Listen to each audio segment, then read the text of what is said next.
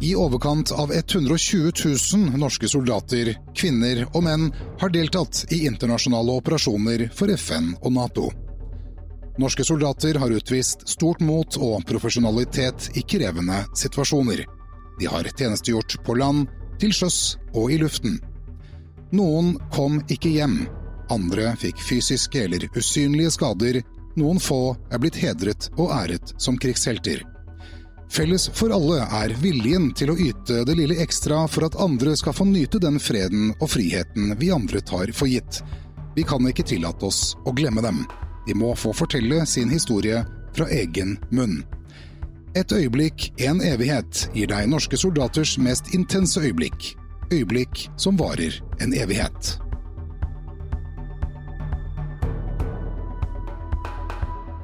Det jeg så på som min aller, aller viktigste oppgave, det var å beskrive hvilken risiko som førte med operasjon, og hvilken begrensninger bruken av luftmakt har.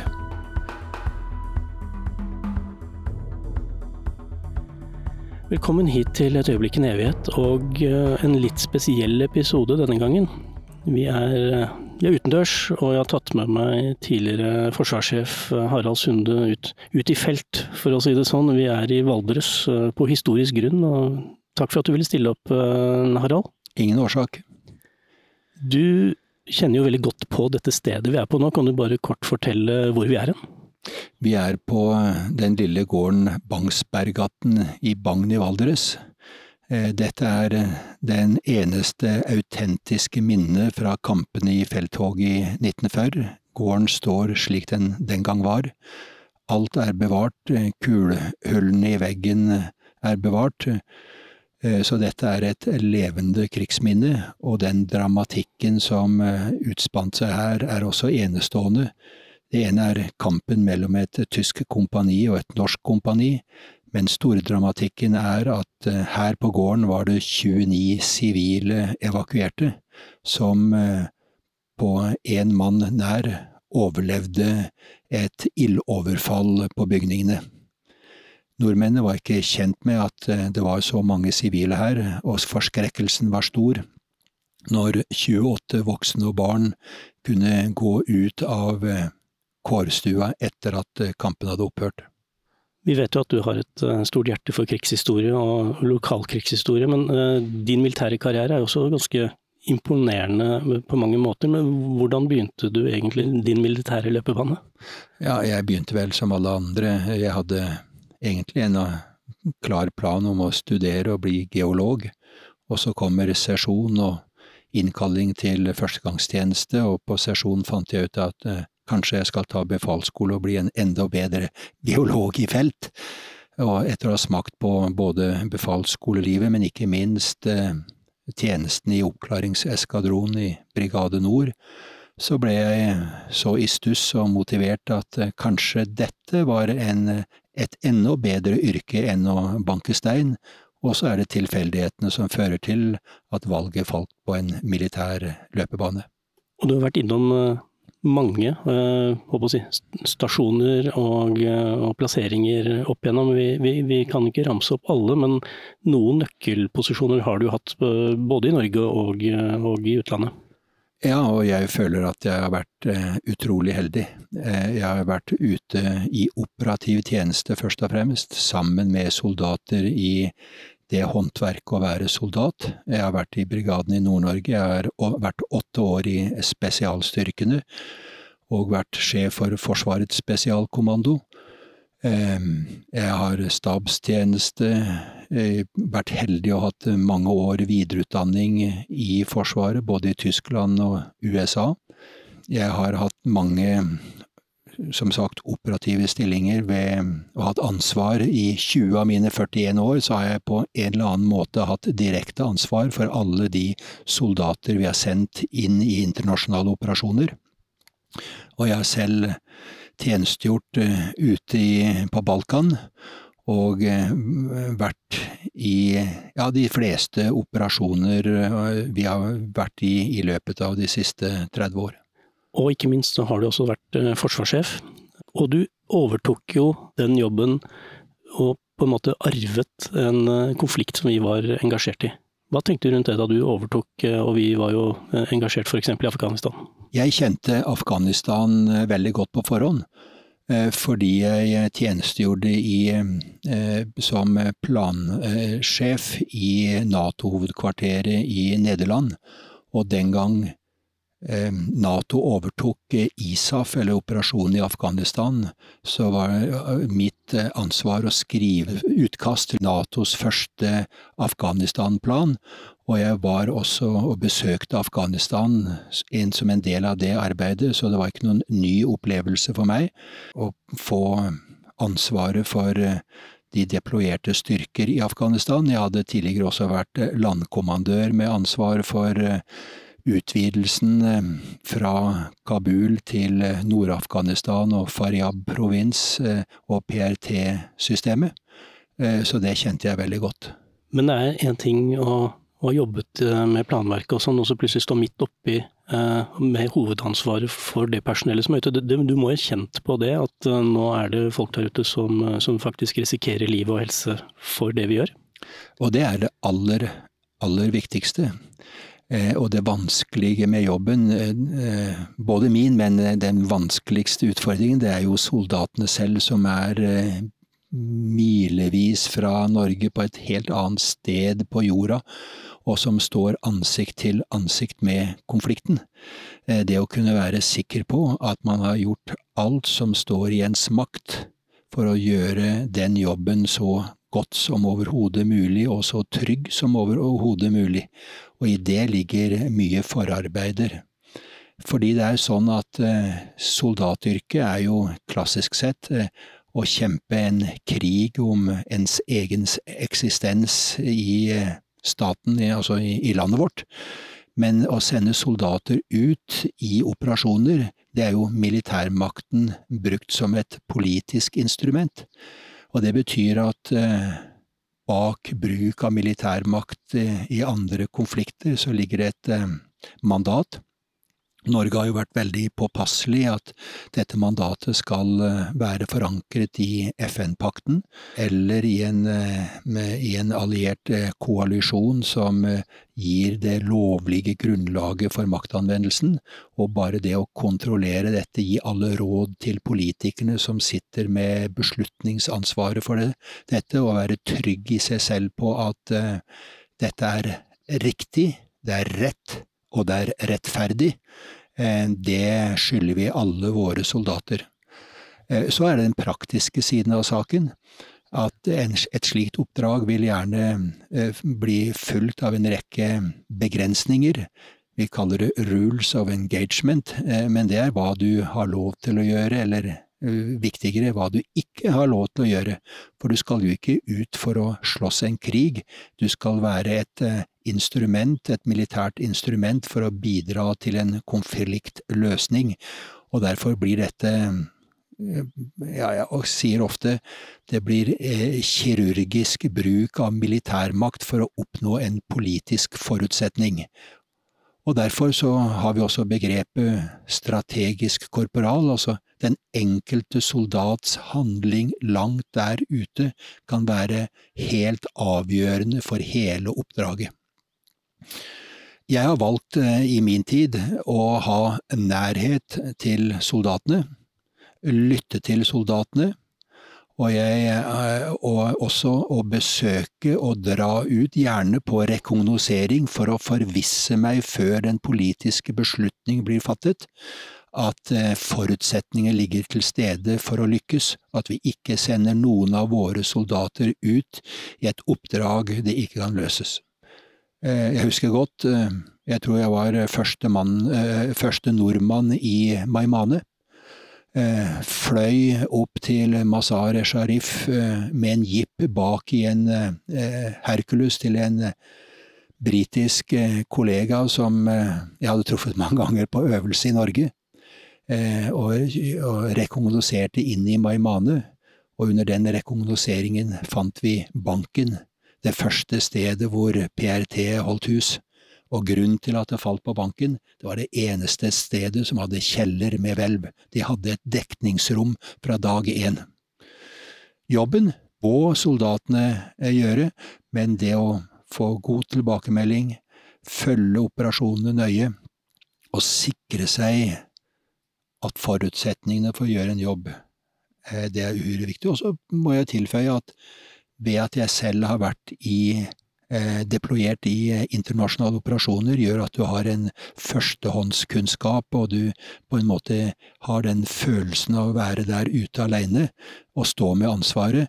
Det er godt å ha det som ballast når du som sjef og leder skal ta ansvar. Det gikk jo ikke alltid bra. Noen kommer jo ikke hjem. Dette er en del av vår yrke. Eh, vi har hatt våre falne. Vi har trent, eh, vi har eh, gjort alt som sto i vår makt for å unngå det. Og alle soldatene som har reist ut, har også visst at eh, i dette ligger en restrisiko. Men det er en jobb som kun soldater kan gjøre. Det er med tungt hjerte når det skjer fatale dødsfall i operasjoner, når våre egne soldater faller. Det er selvfølgelig et uhyre tungt tap. Det er et tap eh, først og fremst for eh, familie og kjære som har mistet sine, og det er eh, viktig at vi kan møtes, se hverandre i øynene og si at vi gjorde alt vi kunne, men dessverre, denne gangen gikk det feil. Men hva tenker du når den meldingen kommer, når du blir gjort oppmerksom på at nå har vi en fatal hendelse? Hvordan forholder du deg til det da? Altså, det, må, det, må, jo treffe ganske fort og brutalt? Ja, selvfølgelig så treffer det det du har eh, tenkt igjennom på forhånd. Det du har eh, fryktet eh, kunne skje. Det du hadde håpet ikke skulle skje. Noen av de vi har tapt, har jeg jo personlig også kjent godt. Og da blir det også den delen i det, men det viktige er også i en slik stund å ivareta de andre som eh, kollegaene, eh, de andre som er i operasjonen, og dette er det øvd og trent på. Og så må nasjonen stille opp for familiene og de som har tapt i ettertid. Og det samme gjelder jo de som eh, får varige men og skader av sine operasjoner. Dette er alvor. Dette er tror jeg ingen som ikke har opplevd å være i en operasjon, det å være redd for å miste ditt eget liv, eh, forstår hvor eh, stort offeret er. Og når du da blir skadet, såret, og må bære de sårene resten av livet, så er det viktig at nasjonen stiller opp. Eh, fordi Eh, det, vi har jo ingen Nå er det også beordringsplikt, men i de fleste tilfellene så er det altså opp til den enkelte frivillig å si ja, jeg vil, vil, jeg vil dra ut, og jeg vil løse det oppdraget som storting og regjering har pålagt meg. Med den risiko, eh, den er aldri underkommunisert, og derfor er det så umåtelig viktig at vi tar vare på våre kvinner og menn også etter en operasjon. Forsvarssjefens eh, rolle, en av rollene, er jo å rådgi politikerne. Følte du noen gang at de rådene du ga ikke ble fulgt, eller at man overstyrte, eller skulle du ønske at eh, det hadde kommet andre utfall? Nei, der må jeg skryte av eh, politikerne. De føler nok eh, samme ansvar som det en forsvarssjef eller en soldat gjør. Eh, de forstår utmerket godt alvoret i en operasjon. Derfor er det også viktig at statsråd og komitémedlemmer i forsvarskomiteen har muligheten til å besøke en del av disse operasjonene. Ikke minst møte soldatene og lytte til soldatene, fordi dette er et område du ikke høster erfaring her hjemme, heldigvis. Og så må de ansvarlige militære sjefer gi så gode råd som overhodet mulig. Og ikke bare råd, men altså beskrive konsekvenser. Eh, det Av og til kan det være slik at eh, politikerne har ønsker om å oppnå politiske situasjoner gjennom bruken av militærmakt. Og det aller, aller viktigste en fagmilitær kan gjøre, det er å advare mot eller peke på det en soldat ikke kan gjøre. slik at dette blir realistisk, og at forventningene er realistiske.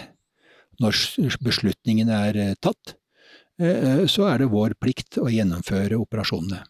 Hvis vi tar en operasjon som kanskje ikke har vært så mye diskutert, men denne flyoperasjonen mot Libya, hvor Norge ble med i en koalisjon for, eh, for å ja, avsette eh, Muammar Gaddafi.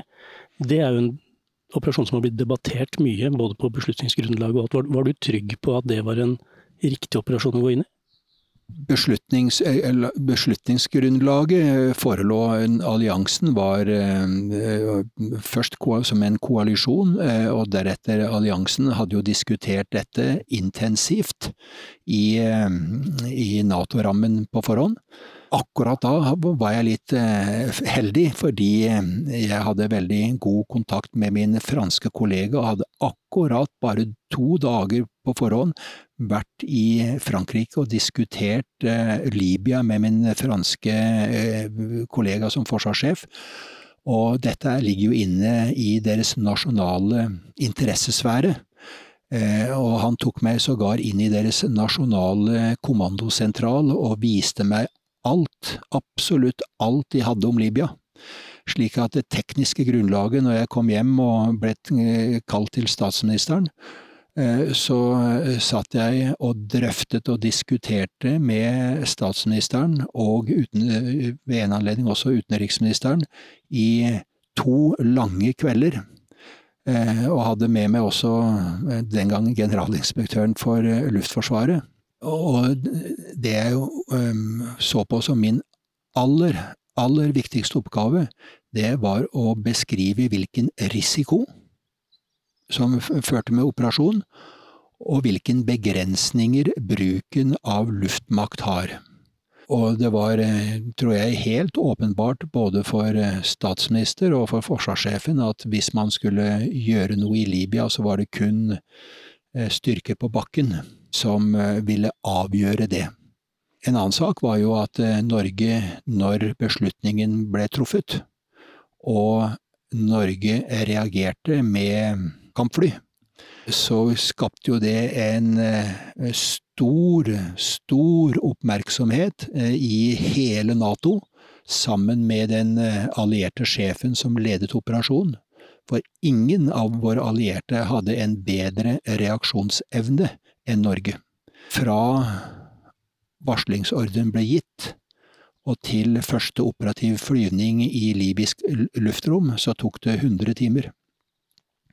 Det var andre allierte som eh, var der omtrent på samme tid, men de var tilfeldigvis på en øvelse på Sicilia.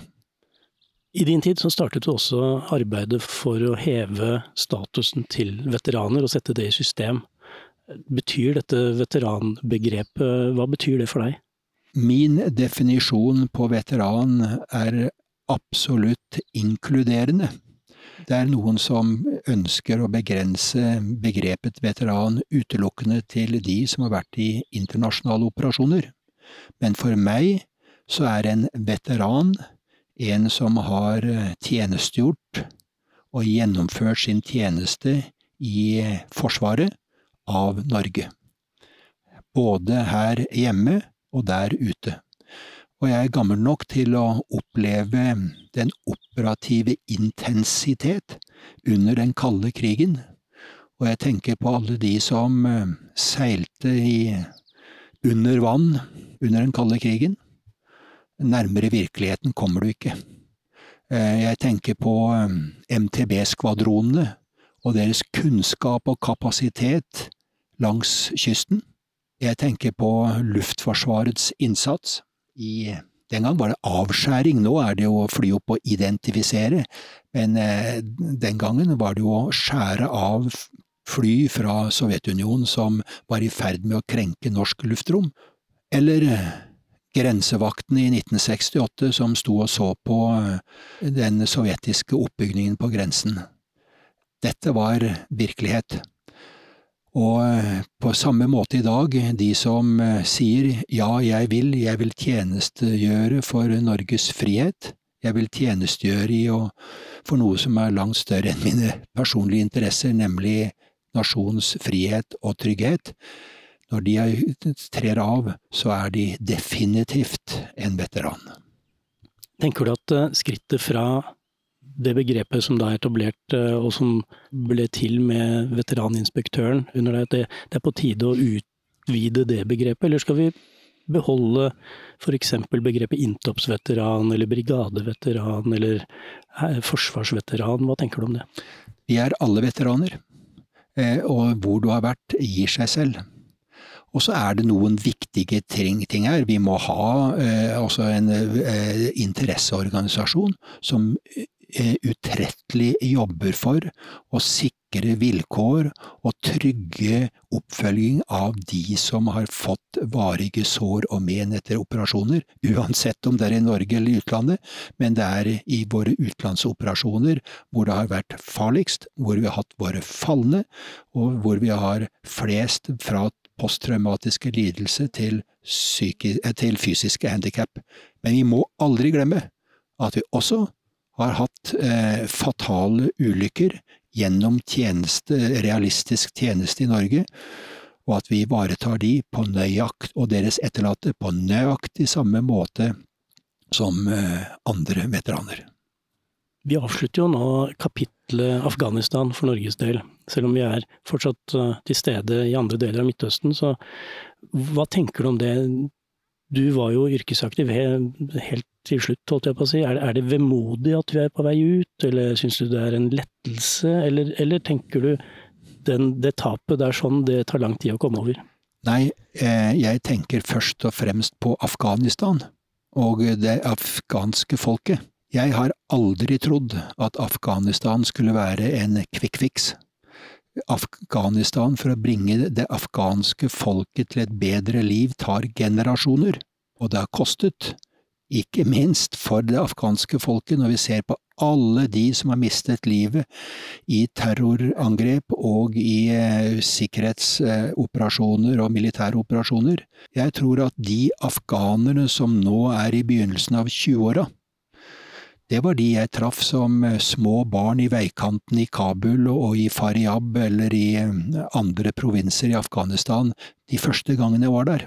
Deres foreldre hadde opplevd eh, Taliban-styret i Kabul, men hele det afghanske folket er på et annet nivå i dag.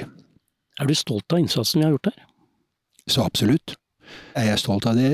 Altså, jeg er beundrende til de norske soldatene, fordi det har vært et ekstremt vanskelig oppdrag. Det har vært eh, militærmakt med kirurgisk presisjon, ikke for å vinne en krig eller kjempe en kamp, men for å skape en forutsetning for en politisk og fredelig utvikling i Afghanistan. Og provinsguvernør Shafak i eh, Faryab provins er altså den lengstsittende eh, guvernør i en provins i Afghanistan, og jeg er ikke i tvil om at det skyldtes den klokskap de norske soldatene utførte.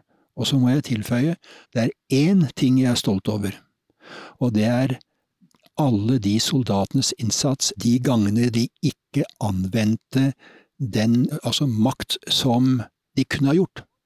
Alle de skuddene de ikke avfyrte selv om alt lå til rette for, og de hadde retten på sin side for å kunne bruke nesten ubegrenset makt. Men de avsto fra det, og det førte til at de fikk en, en eventyrlig respekt hos afghanere. Jeg må nesten spørre deg, som tidligere forsvarssjef, ga du noen gang en ordre eller en, et direktiv som, som, du angrer på, som du ønsker du ikke hadde gjort? Jeg, jeg kan ikke huske direkte en ordre, men det er mye jeg gjorde som eh, jeg i dag sikkert hadde gjort annerledes. Ganske enkelt fordi du blir jo klokere med årene. Dette er en av mange unike historier om selvoppofrelse og mot fra våre soldater. Her lar vi soldatene selv fortelle om de intense øyeblikkene, akkurat slik de opplevde det. Historier som rett og slett er blitt et øyeblikk, en evighet.